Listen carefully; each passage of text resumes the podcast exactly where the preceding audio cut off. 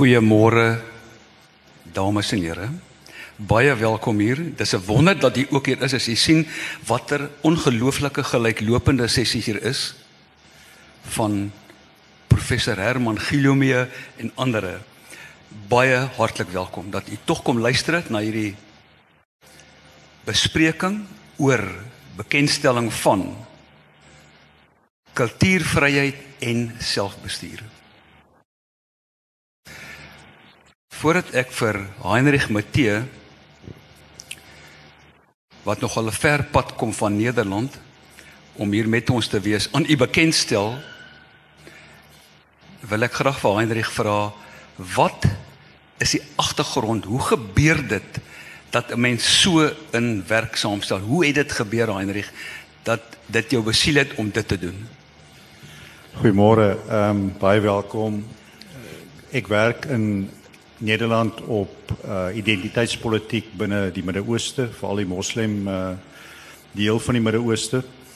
En ek werk soms op uh, Europese politiek en Russiese politiek oor identiteitspolitiek.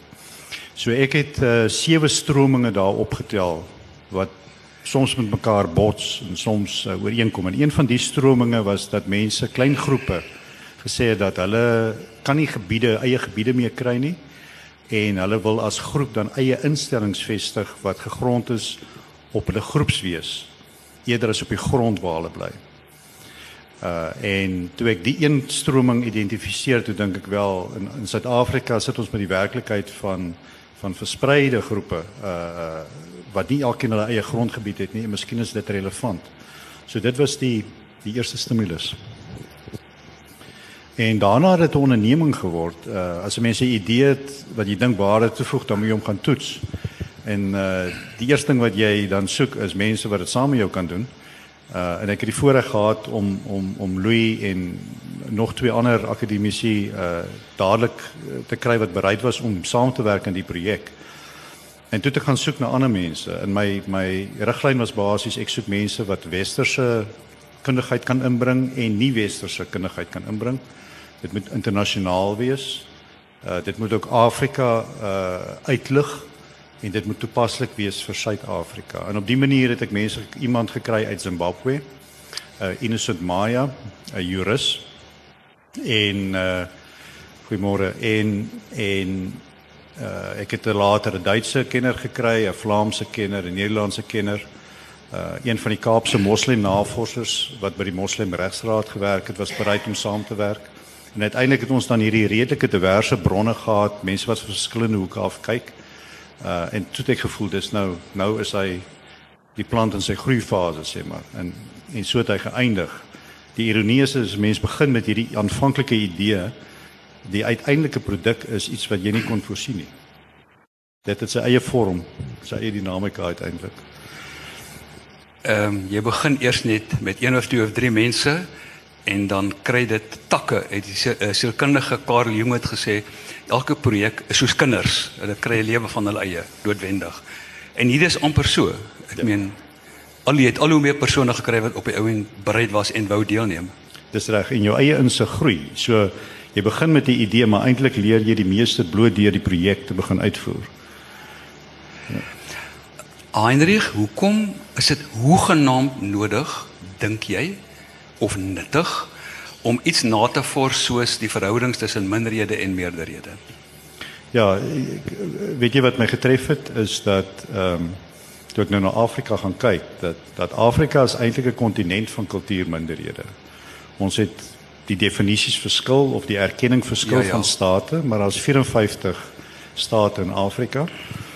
As jy 'n sekere definisie gebruik, maar binne daardie 450 state woon daar 2000 plus kultuurgroepe. Ja. En hulle het soms 'n eie gebied, maar meestal is hulle maar versprei. So jy sit met 'n kontinent waarin hierdie dilemma eintlik bestaan. Dis ook 'n dilemma wat erken word. Uh as jy kyk na Solomon Dershow, hy is die kommissaris vir uh Afrika menseregte en volkereg. Ja. Dan sê hy ook hierdie state het in die postkoloniale tydperk nie hierdie dilemma opgelos nie. Hulle probeer dit eintlik ontken.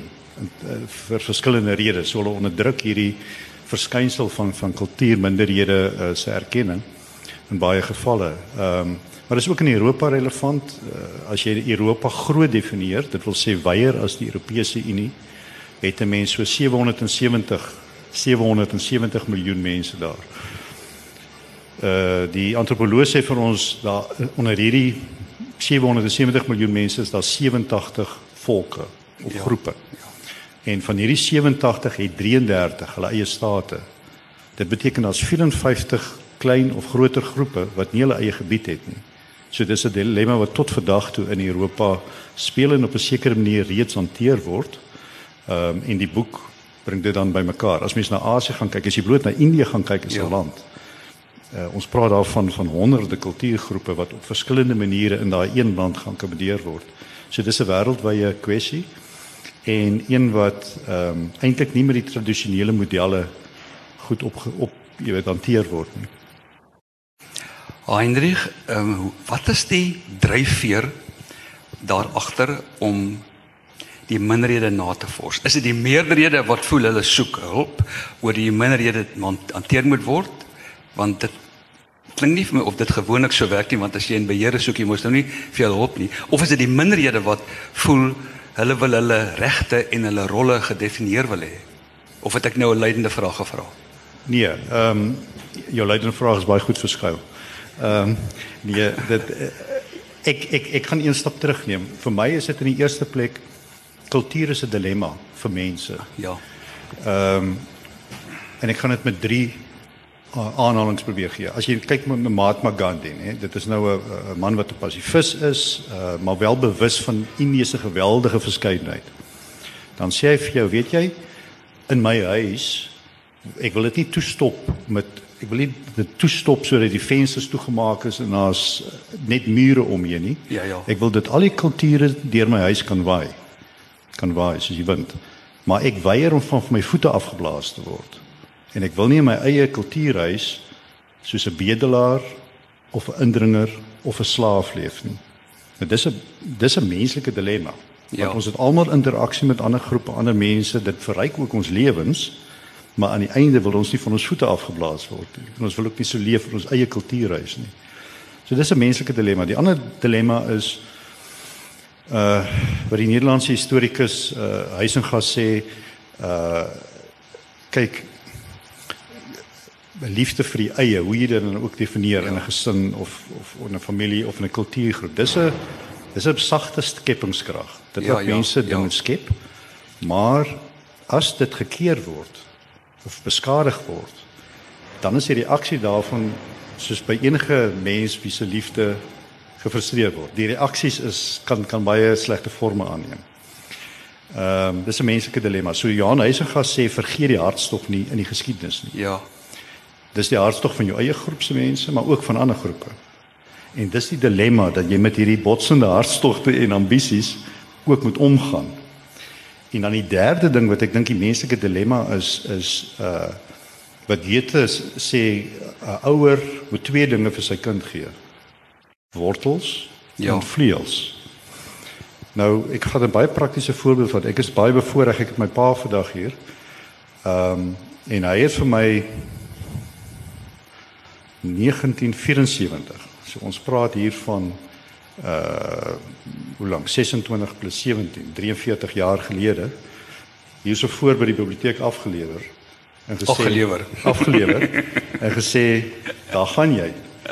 En en dit is hoe ek begin het om in Afrikaans my moedertaal te kon verken.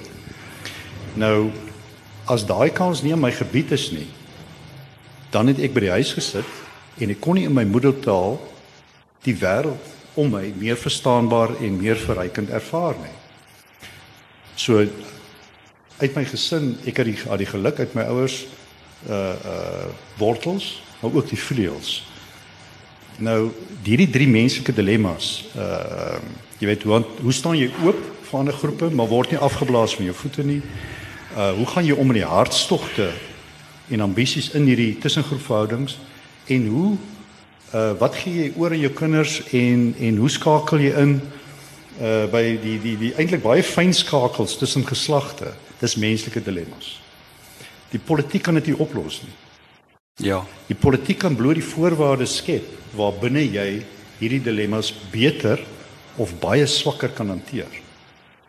En as ek oor minderhede of meerderhede praat, want meerderhede het ook maar dilemma's, dan is dit vir my die menslike dilemma's eintlik buite die politiek, buite die politieke wetenskap, maar die politieke wetenskap moet help saamdink om dit makliker vir ons almal te maak om hierdie dilemma's te hanteer.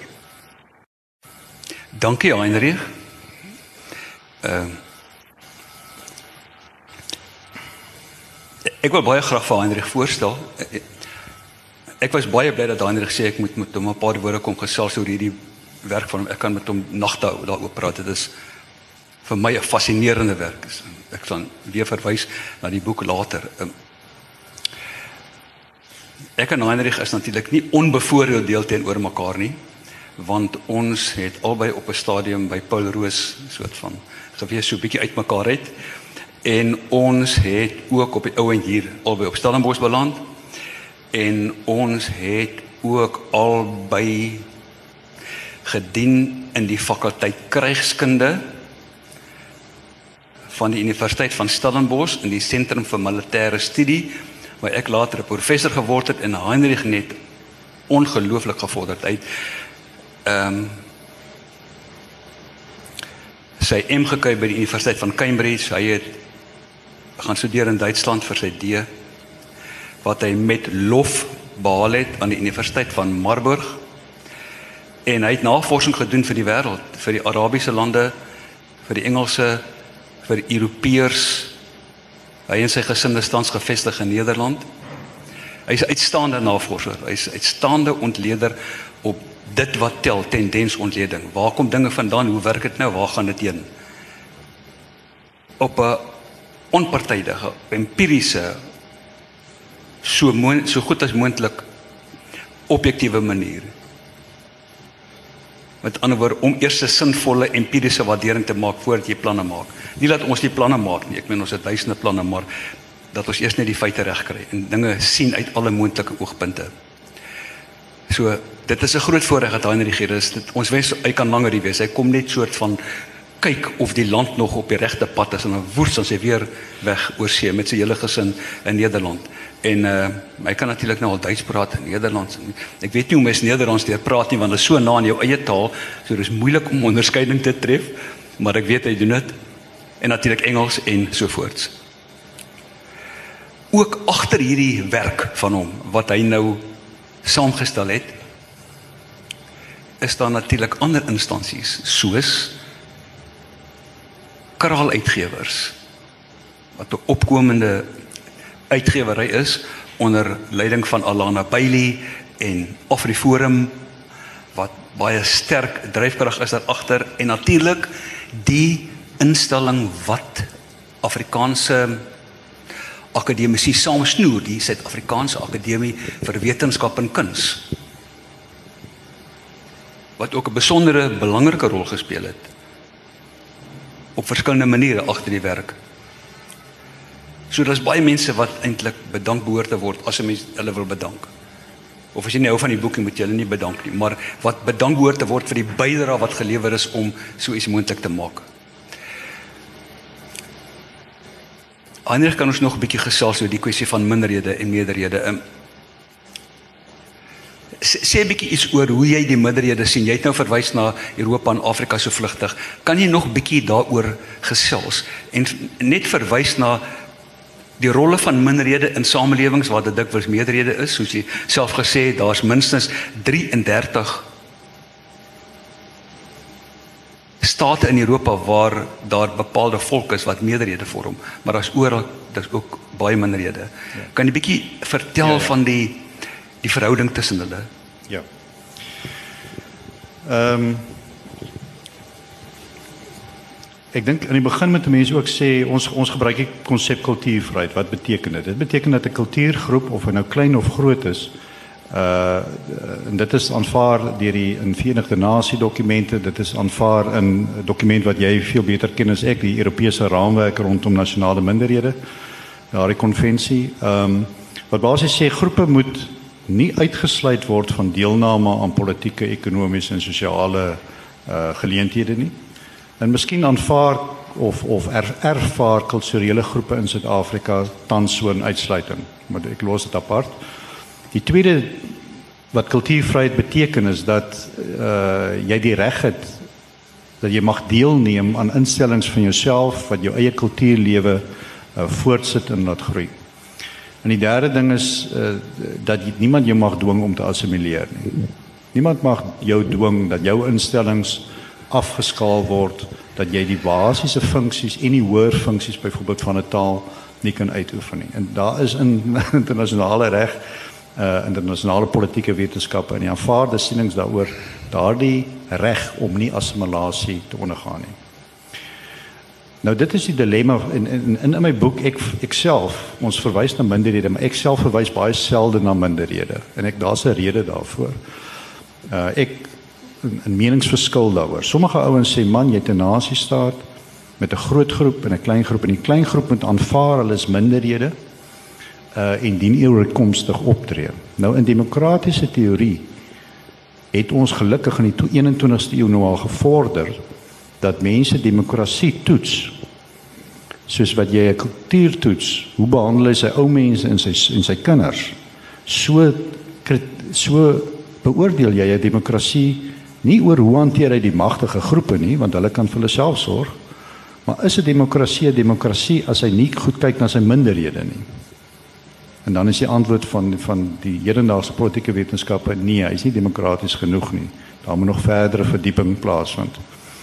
En dis 'n een stroom van denke. Die ander stroom van denke sê man groepe woon in 'n land of in 'n politieke orde. Soms is dit maar toevallig deur die geskiedenis dat hulle saamgegooi is daar. Die Britte het die Boererepublieke vernietig en tot hulle besluit dit word een groot orde en ons sit nou almal saam in hierdie lekker orde en lewe. Maar daai kleiner groep sien homself nie as hierdie klein minderheid wat nou maar vir almal moet vra om te lewe nie. Hy sien homself as 'n selfstandige rolspeler, 'n klein rolspeler, so hy moet dit in ag neem, maar 'n selfstandige rolspeler. Net soos wat 'n kind die huis verlaat en dink hy is 'n selfstandige rolspeler. Nou die dilemma kom Hoe kan jy in demokrasie of veral in halfdemokratiese ordes in die meeste Afrika state is halfdemokratiese ordes. Hoe kan daai klein groep om uitleef op so 'n manier dat die groot groep hom sê ek hou miskien nie altyd van wat jy doen nie, maar ek aanvaar dat jy dit so doen. En dis die dilemma waaroor hierdie boek gaan. En die boek sê dan hierdie klein groepe as miskien drie kenmerke wat 'n mens kan noem. Die een is dat ehm um, ek is nou bewus jy lees of jy luister nou na die uh, Thukydides die die die ja, ja, die ja. die groot boek oor die oor die oorlog tussen die Griekse stadse Peloponnesiese oorlog ja. Ja. En Thukydides sê in die antieke Griekse tyd, hy sê wie die magteloses wie die magteloses en waarom die sterke doen wat hy kan en die swakke lei wat hy moet om nou direk te vertaal. Die sterke doen wat hy wil. Die swakke lei wat hy moet. En dis die dilemma van klein groepe in state wat nie demokraties of halfdemokraties is. Nou goed, nou sit hierdie klein groep met hierdie dilemma. Hy voel 'n bietjie ongemaklik, hy's onder druk, sy kultuurinstellings word misken of hy kry nie kans om hulle uit te bou nie, soos die Amazigh in Noord-Afrika wat 'n inheemse groep is, maar tans numeriese minderheid vorm. Ehm um, en dan wat wat kan so 'n klein klein groep dan doen? En dis dan die tweede ding wat ek sal sê wat ek dan opmerk is so 'n klein groep het altyd keuses. Sy keuses is bietjie minder, hulle is harder, hulle verg meer inset, maar daar's keuses. En wat is hierdie keuses? As 'n mens dan kyk na die wêreldtoneel, dan sien jy as hierdie groep baie gelukkig is, dan op 'n stadium het hy die kans om polities heeltemal onafhanklik te word. Selfs klein groepe. Tsjechië, Tsjechië, Tsjechoslowakye gehad. Hulle het vreedsaam geskei en nou het die Tsjech hulle eie land in die in die in die, in die Slowake het hulle eie land. So 'n vorm van politieke onafhanklikheid. Het ook gevalle waar klein groepe soos die Lette en die Ure 700 jaar onder vreemde oorheersing staan. En dan weens die verloop van die politiek kom daar kansse.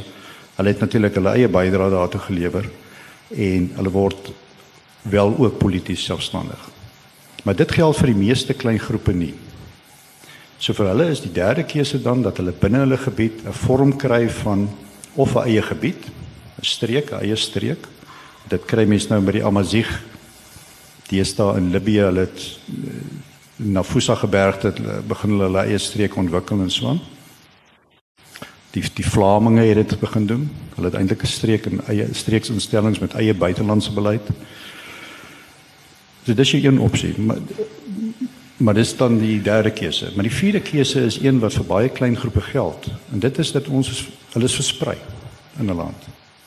Hulle het miskien 'n paar punte van konsentrasie, klein dorpe of klein stede, maar vir die res is hulle versprei. En dan een van die opsies daar is om te sê ons minstens ons kultuurlewe die instellings van taal, kultuur of godsdiens. Dit is onder ons gesag. Ons weet regtig wat ons wil in ons eie kultuur. Niemand anders kan dit vir ons sê nie. Mahatma Gandhi aanhaal in my eie huis is ek nie 'n slaaf, 'n indringer of 'n bedelaar nie in my eie kultuurhuis. En meganismes het daarvoor ontwikkel en tans in België en Estland en Hongarye word dit so geakkommodeer. Dit daar's erkende praktyke. Sommige van hierdie praktyke is al meer as 'n eeu oud, ook in die Midde-Ooste. So dis instellings en praktyke wat hulle duursaamheid bewys het. Dis dan 'n vierde keuse. Nog 'n keuse is om te sê dit gaan nie gebeur nie. Die regering van watter staat ook al gaan dit nie aanvaar nie. En wat ons dan veral in Afrika kry is dat die grootste kans om jou gesag oor eie instellings wat jy opbou te verkry is weg van 'n regering. So die regering het 'n beperkte vermoë om sekere dienste te verrig soos ons nou kyk na die noorde van Suid-Afrika waar die situasie werklik anders is as in die in die suide. Ehm um, het ons op hierdie stadium 'n burgerregte beweging Afriforum uh wat in samewerking met die polisie eie polisieering polisieering probeer versterk met eie instellings wat nou deur private vervolging met Gerry Nel ehm um, eie eie inisiatiewe loods. So en is gebiedsongebonde, né? Dit is nie omdat uh, die solidariteit beweging uh, Centurion Noord 'n uh, uh, eie gebied het nie. Ehm um, so dit is dan 'n ander keuse van klein groepe. An, nog 'n keuse wat ek dink in die Kaap nogal uit, uitgeoefen word is in ehm um, instellings kry nie 'n naambordjie van ons is Afrikaans of ons is Afrikaners of ons is Kaapse moslim nie. Soms soms nie.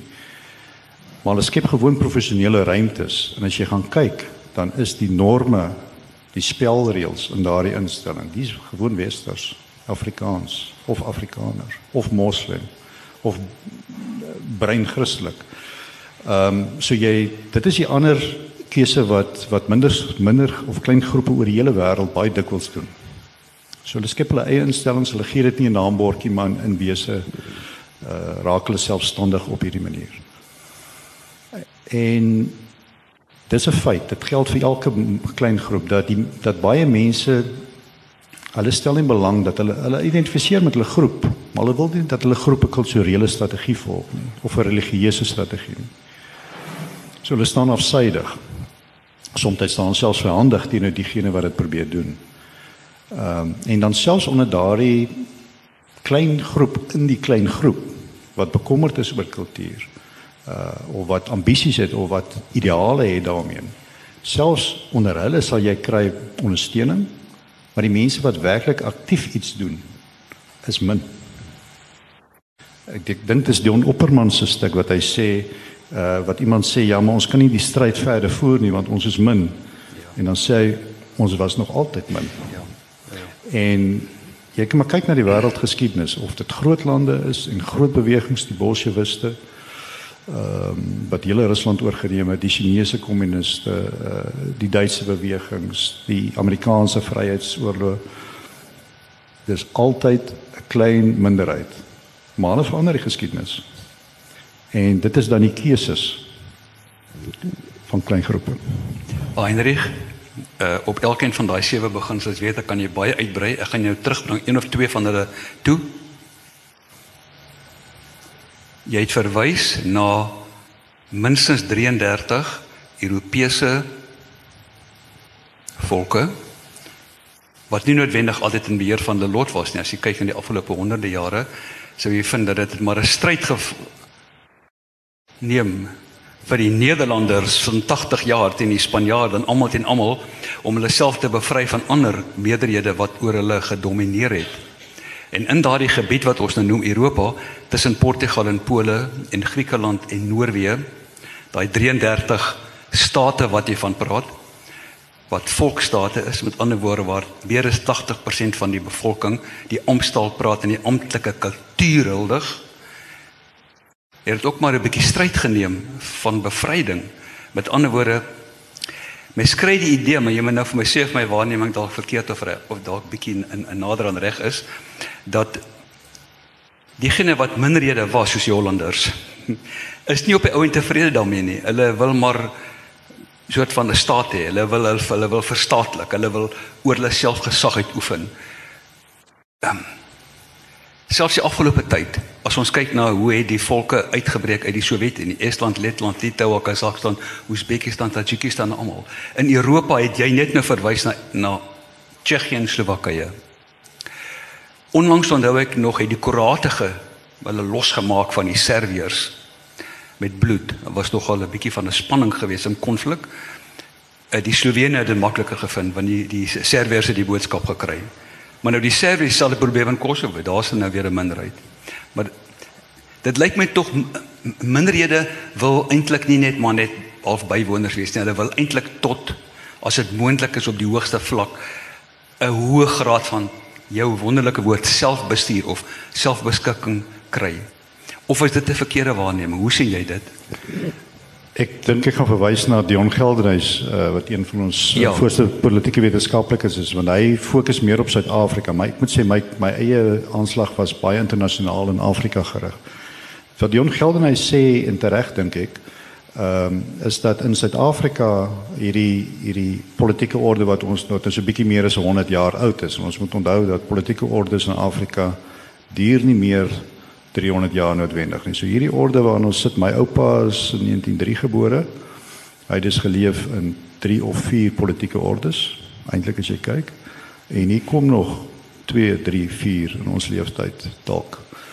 Ehm um, so, so maar binne Suid-Afrika dan wat die ongeldenheid sê is sekere klein groepe vertoon duidelik die wens om selfstandiger te word. En in ons geskiedenis is dit duidelik die Afrikaners vorm een van daardie groepe uit my eie navorsing onder die Kaapse moslems uh, as ek daar gesels met my vriende ehm um, daar's duidelike wens om bietjie meer te wees as net 'n Suid-Afrikaner wat in, 'n moskee bid eerder as in 'n kerk. So daar's definitief 'n gevoel dat hulle wil hulle moslim regsraad se bevoegdhede uitbou.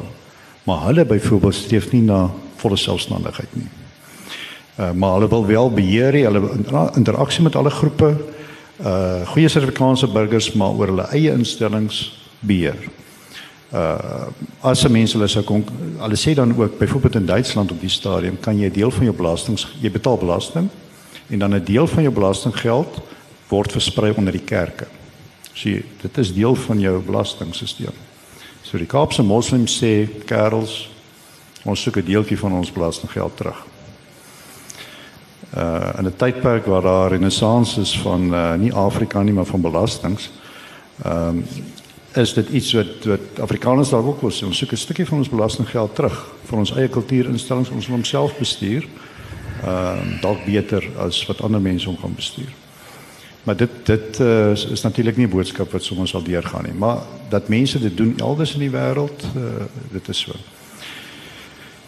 So die Kaapse moslems soek nie byvoorbeeld nie volle selfstandigheid nie. Die Khoisan, ek sien hier so 'n skallie. Kali wie die ken die Khoisan beter as ek. Die ongeldenheid sê die die Khoisan wil wel tot op 'n baie hoë mate uh, selfstandigheid oor hulle eie instellings verkry. Die ongeldenheid sê terselfdertyd in sy inskatting is die breinmense van Suid-Afrika.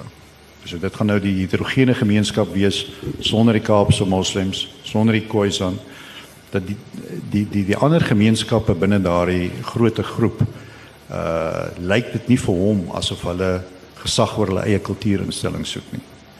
So ek dink 'n mens sit met 'n met 'n beskeidenheid van groepe uh se aspirasies. Ja. Um, op alle vlakke. Sommige wil selfstandig wees, sommige is tevrede met gesag oor hulle eie kultuurinstellings en interaksie met die ander en sommige sê dis nie my hoof hoof uh, prioriteit nie. Heinrich in die nasionale konvensie vir die beskerming van nasionale minderhede, die Europese konvensie waarna jy verwys het, word daar in die inleidende paragrawe baie sterk gewaarsku vir die Europeërs en dit is onderteken deur omtrent al die Europese regerings teen assimilasie, woord wat jy gebruik het.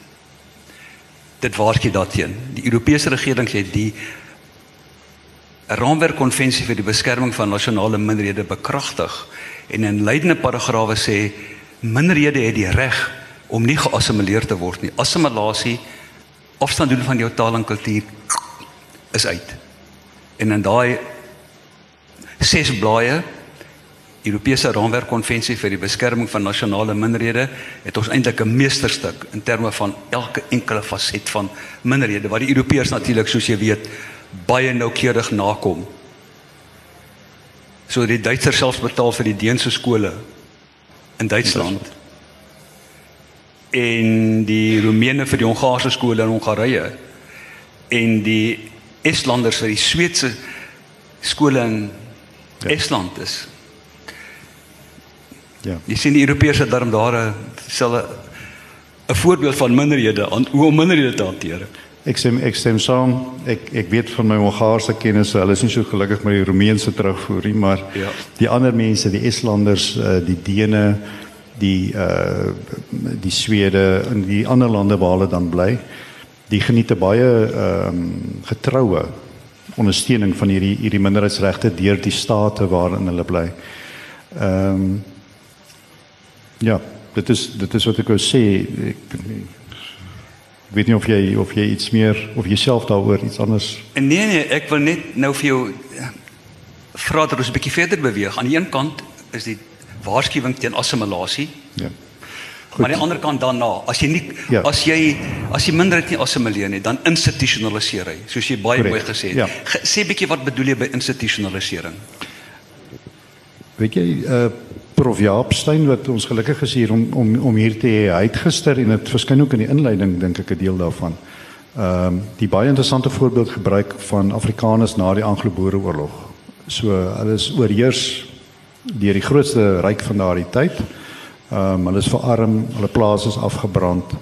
Uh ons weet van die situasie na die Anglo-Boereoorlog. En dan begin hulle het hulle natuurlik die risiko dat hulle geassimileer word, opgeneem word binne die Britse Empire. En sommige van hulle gaan daai pad volledig.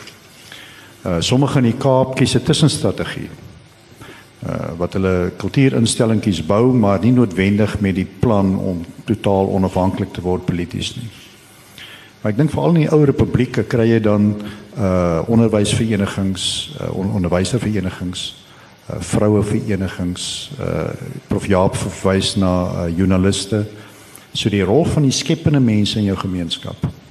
Weer eens 'n paar paar digters paar joernaliste en agter hulle die baie onbekende mense wat om sulke kultuurprojekte uh um werk en wat in die proses klein instellingkies opbou Ehm um, en ek dink in in hierdie boek ons is in die 21ste eeu, maar dit is presies hier. Ek bedoel ons het hier 'n uitgewer. Uh hierdie boek sou onmoontlik gewees het as uh, Ilse nie uh, taalversorging hier aangedoen het nie. Sy kom uit die Afrikaanse gemeenskap, so sy gee dit weer. Uh Hanelie uit haar uh kulturele agtergrond gee vir ons 'n pragtige buiteblad. Ehm uh, Alana werk uh, met haar insette en uiteindelik het ons 'n kultuurproduk. En ons is uh ons kom kom met 'n westerse groep ons oors, ons onderskat totaal die waarde van wat ons produseer as klein groep. Ek het in Arabië gewerk en uh, my ek het by 'n Arabiese strategiese uh, instituut gewerk. En uh wonderlike vriende daar gemaak. En onthou die Arabiese wêreldbeskawing het het het eeue gelede vir ons oor sterrekunde die nuutste insigte gehad in medisyne groot vordering vir ons getoon ehm um, in natuurwetenskappe. So dit is 'n geweldige ryk beskawing. Maar my vriende moes aanskou hoe hulle groot beskawing afgaan, verval nie net polities nie, maar ook kultureel. En hulle moes al 12 of 10 van hulle moes elke dag nuwe woorde skep net sodat Arabiese mense weer kan bykom by wat in die wetenskap en tegnologie gebeur. Hulle was totaal agter. Uh hulle het hulle het uh wil nie die woord hulle het kultureel verarm.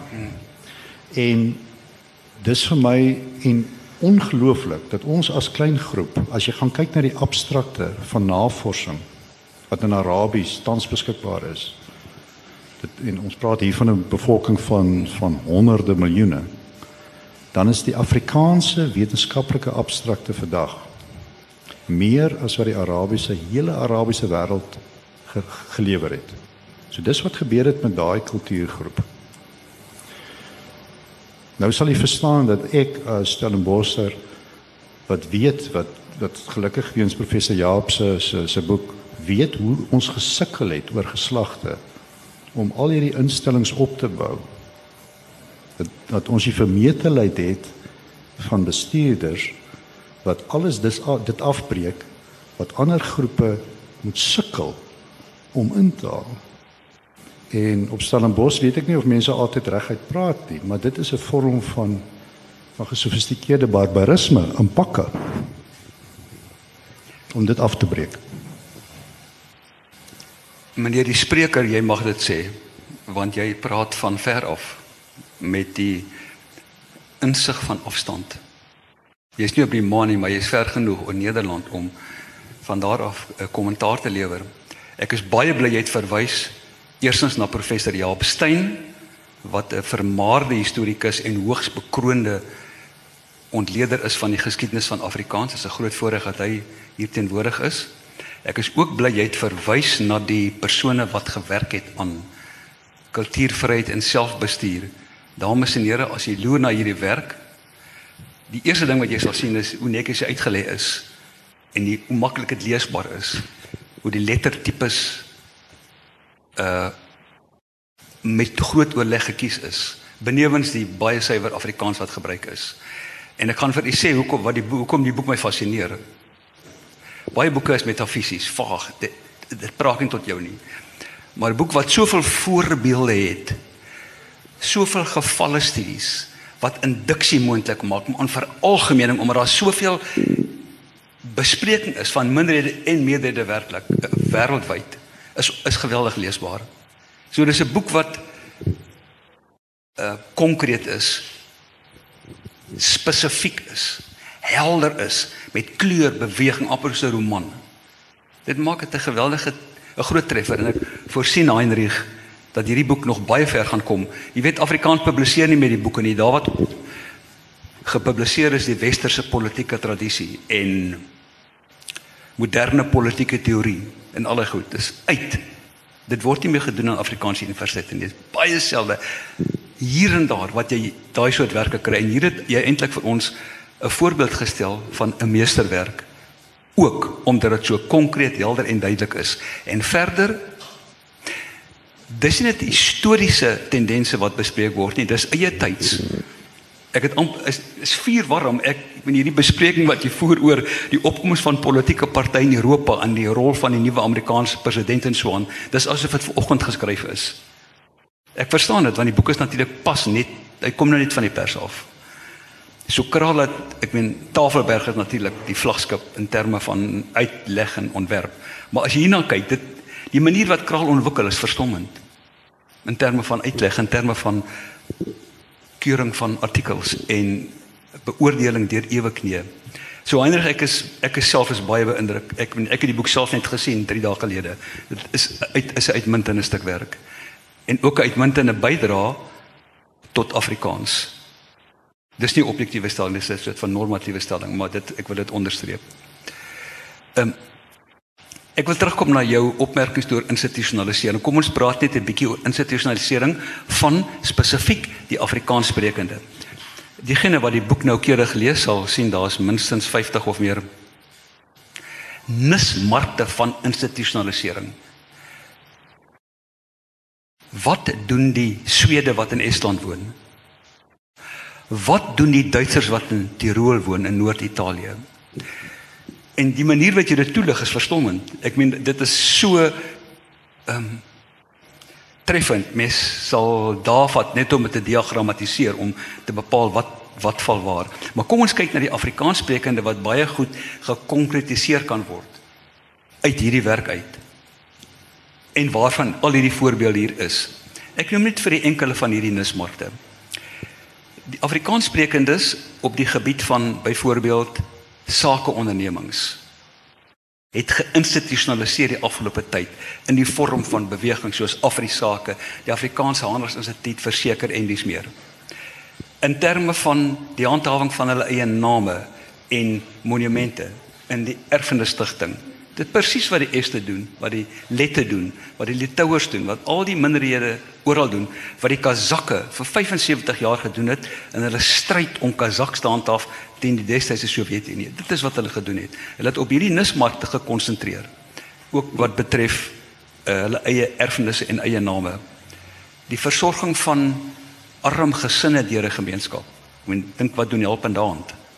Die regsaksies wat geloods word om minderhede te beskerm wat baie sterk is in Europa omdat hulle gedurig beroep op die geregshof dat regtens is ons het ons aanspraak op die volgende. Dink die regsaksies van Afriforum en Gerinel en ander die beheer oor eie onderrig dink aan die beheer oor leiding aan skoolliggame soos deur FETSAS.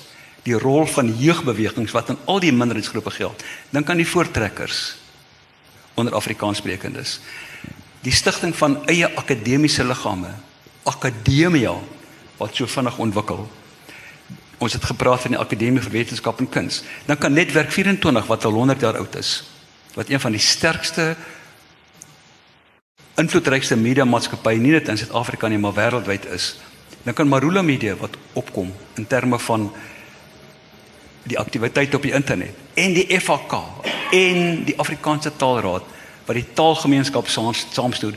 Dit is so tipies in al die lande. Praat van die Afrikaanse Taalraad. As jy gaan na Katalonië toe, met ander woorde Oos-Spanje wat nog nie vir hulle self 'n eie staat bewerkstellig het nie, wat hulle kan doen want hulle woon almal bymekaar. Uh, kyk na hulle taalrade en hoe die Katalane opgevoed word, kleuterskole, laerskole, hoërskole, Universiteit van Barcelona.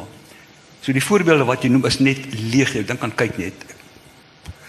Ehm um, wil jy vir ons iets sê oor nog 'n baie gevorderde vorm van institusionalisering wat baie van daardie minderhede het wat ons nog nie het nie? Ek sê nie Afrikaners gaan dit kry nie, maar verduidelik iets daarvan asseblief. Die sogenaamde selfbestuursrade.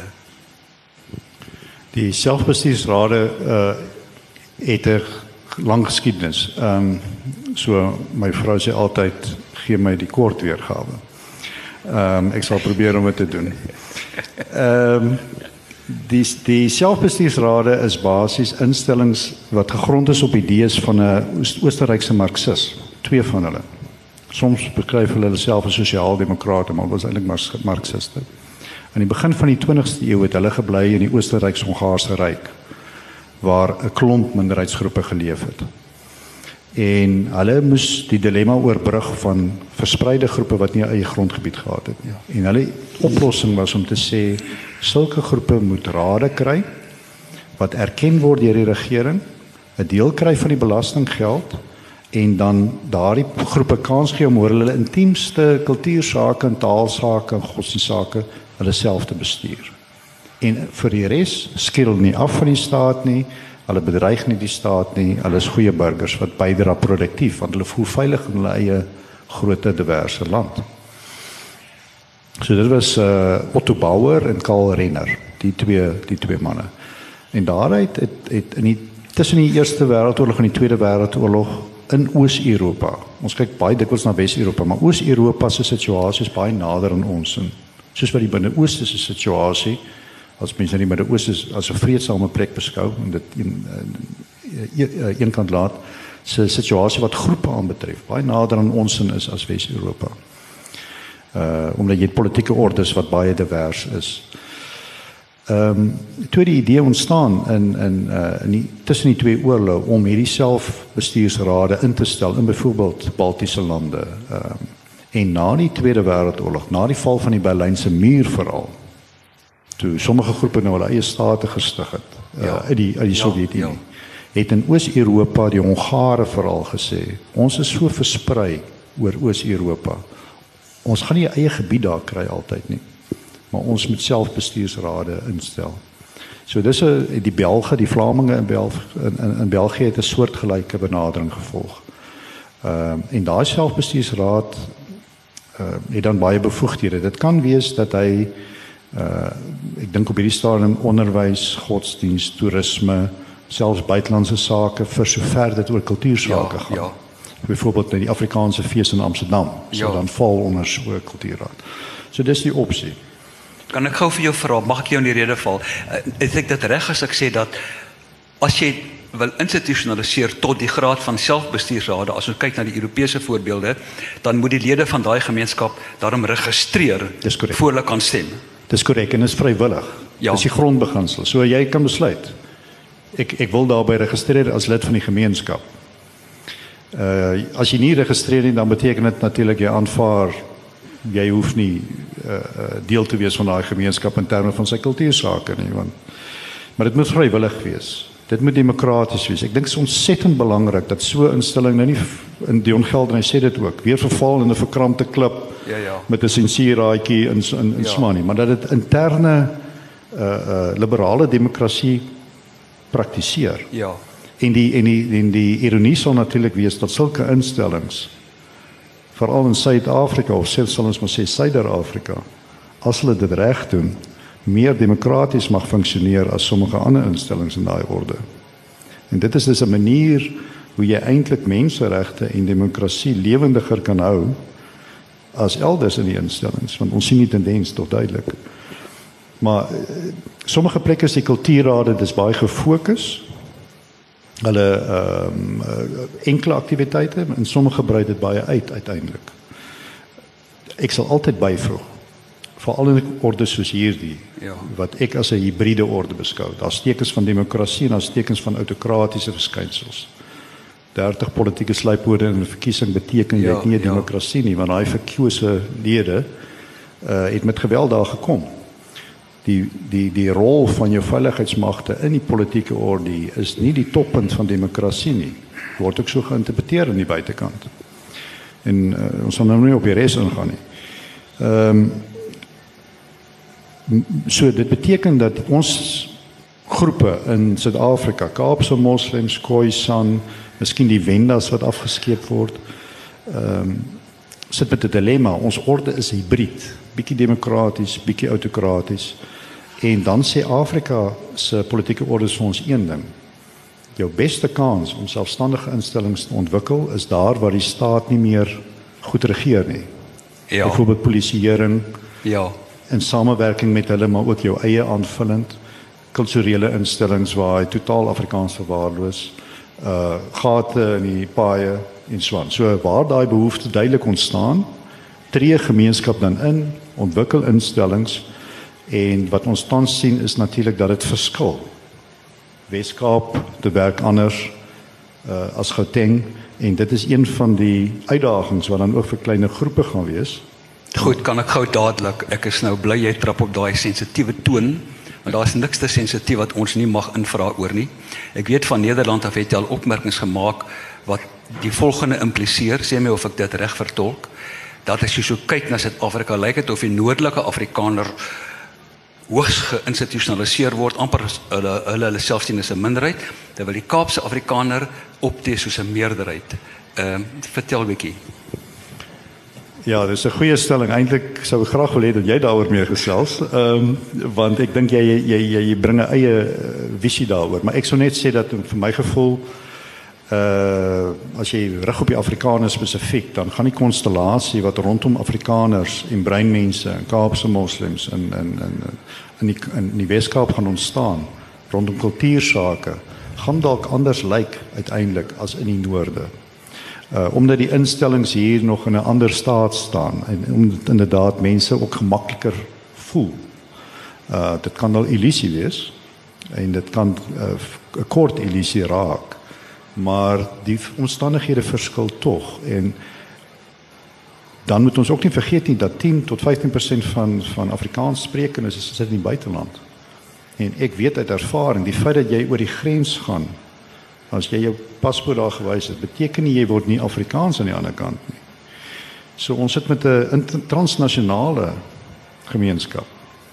Uh dit word ook al geïnstitusionaliseer in die noorde deur byvoorbeeld wêreldwyd wat kontak ja, probeer hou ja, met ja. met al hierdie mense. Ehm um, maar as jy nou gaan kyk so eenvoudig as moontlik, dan kan dit wees dat ons sekere gebiede gaan hê, dorpies. Sommige mense wil 'n stad bou uh, wat veral Afrikaans gaan wees. Ehm um, dat so daar gaan bietjie groepskonsentrasie wees en dan gaan jy gebiedsongebonde instellings hê, miskien meer in die noorde. Ja. En meer Afrikaner gerig en in die suide miskien meer Afrikaans gerig. Ja. So ek en dan miskien nog met wêreldwyd uh, internasionale instituut en dan is dit jou gemeenskap heel divers binne 'n groter orde. Heinrich is ek het nog 15 bladsye se verhaal. Is daar enige opmerkings of miskien wat u van u kant af wil maak dames en here? Ons tyd is net so min om hierdie ongelooflike onderwerp van Heinrich te ontrafel. Is daar enigiets wat u wil sê of wat u nog wil vra asseblief? Asseblief. Dis 'n baie goeie vraag. Ehm um, ek dink die ek ek gaan eers die tradisionele owerhede behandel. Hulle is natuurlik gegrond op historiese instellings wat al 19de eeu bestaan het toe toe toe mense uit die Kaap uit kontak met hierdie groepe begin kry het. Ehm um, hulle kry 'n nuwe belang in hierdie postkoloniale orde van ons want eh uh, meneer Zuma staan polities swakker as wat hy 5 of 6 jaar gelede gestaan het. So wat ons sien is 'n politieke strategie van hom uh om ook buite die stede waar hy steun verloor het, hierdie tradisionele owerhede te gebruik om sy steun onder bevolkingsdele uit te bou. So soos gewoonlik is die politieke strukture en ideale dig gekoppel aan gewoon magspolitiek. So ons kan aanvaar dat daai tradisionele owerhede uh genoeg geld gaan kry dat die Zulu koning vir sy mense stem jong stem maar nie te veel vir die Inkatha nie maar stem maar meer vir uh, die ANC die regte van daai tradisionele owerhede word tans onderhandel. Daar's 'n wetsontwerp. Uh en wat duidelik is uit die fokus van daai wetsontwerp is dat hy die baie patriargale kultuur van hierdie tradisionele owerhede ehm um, gaan voortsit. So dit is deel van die debat. Die tweede ding wat mense sien is dat daardie tradisionele owerhede beskik natuurlik oor seggingskrag uh, uh gesag oor sekere gebiede waar minerale is So jou transnasionale maatskappy is maar te gelukkig hy gaan nou bietjie onderhandel met die man om 'n voordeel gee en die ou gaan in naam van sy gemeenskap vir hom regte gee in daai gebied. Uh so net om bietjie van die dilemma's van die tradisionele owerhede te skets. So dis 'n instelling wat gaan bly. Dis een wat iemand so Zuma een van sy opvolger 'n belangrike steunpunt gaan wees. En dit is soos jy heeltemal reg noem, 'n baie belangrike voorbeeld van Suid-Afrika waar jy gedeeltelik gebiedsongebonde instellings vir eie groepe het. Kan Afrikaners daarop aanspraak maak? Die probleem is dat in die wetenskap en politieke wetenskappe is 'n naloper. Hy volg politieke dinamika en magstrome. En in die huidige politieke wetenskappe is tradisionele owerhede is eintlik bestem net vir inheemse groepe. Nou wat is inheems? Suid-Afrika altyd 'n kontensieuse vraag. Uh, Afrikaners is na bewering nie inheems nie of wel inheems. Mense wat dan 200 jaar voor die Afrikaners van elders in Afrika getrek het hierheen is inheems. So dit is 'n politieke debat. Dit is nie 'n uh, altyd 'n geskiedkundige debat nie. Ehm um, Afrikaners kan probeer om oor daai boegte te doen. Persoonlik dink ek ehm um, ek sou sê bou eers jou instelling en hy gaan divers wees in die Afrikaner gemeenskap. Hy gaan divers wees in die groter Afrikaanse gemeenskap, swart mense wat Afrikaans praat. Ehm um, hy gaan divers wees onder die kom ons sê maar swart bevolking want daar is wendas wat bietjie ongelukkig is. Daar is selfs Zulus wat wat anders dink as meneer Zuma. Ehm um, ek sou sê bou die instellings Uh kry jou hulpbronne bymekaar. Onthou in in debatte tree en te bly dialoog te bly met die ander groepe en hulle instellings. Want sommige van hulle is ook ongelukkig oor die huidige bewind. En leef jou in in 'n situasie van kultuurvryheid. En wat eendag kan gebeur is dat die een faksie, want hierdie mense is as jy regeer in 'n hybride regime is altyd faksies. As een faksie kry belang daarbey om te sê nou maar goed. As jy nou my vier beeste gee, dan gee ek jou dalk 'n eie instelling.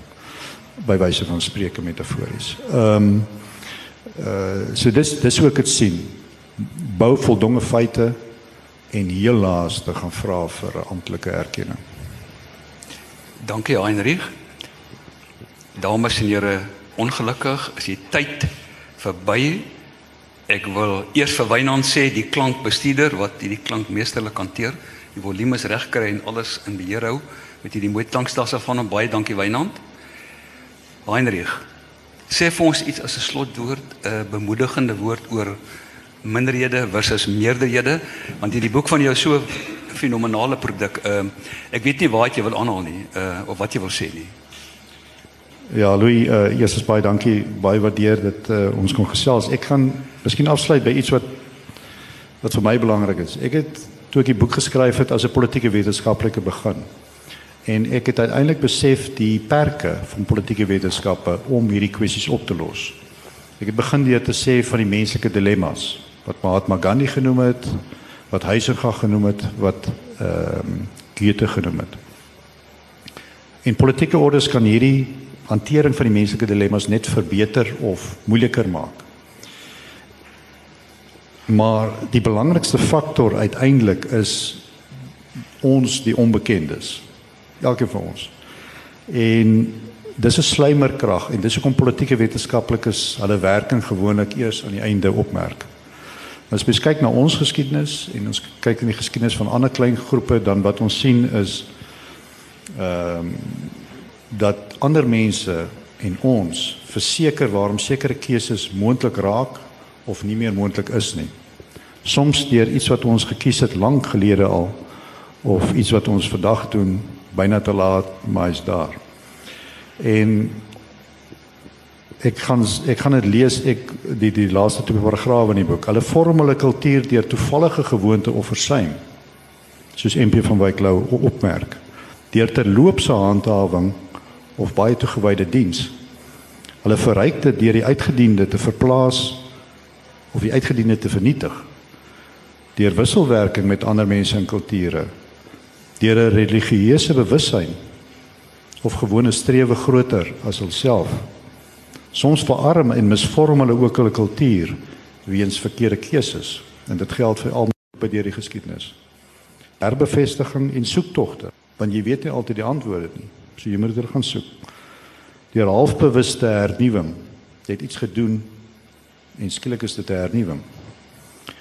Of skepping met oorgawe, deur vindingrykheid en volharding. Die boek se bydraes is 'n stille getuienis van die taaiheid waar my klein groepe se lede deur die geskiedenis hulle kulturele uitdagings oorkom wêreldwyd en in Afrika. En dan sluit ek af en dit is vir my hoopgewend. Gewone mense kan in verskraalde instellings 'n kultuur se toekomsmusiek helder laat herklink. Dames en here, baie dankie vir u teenwoordigheid. 'n Spesiale woord van dankie Heinrich vir 'n besonder stimulerende bespreking.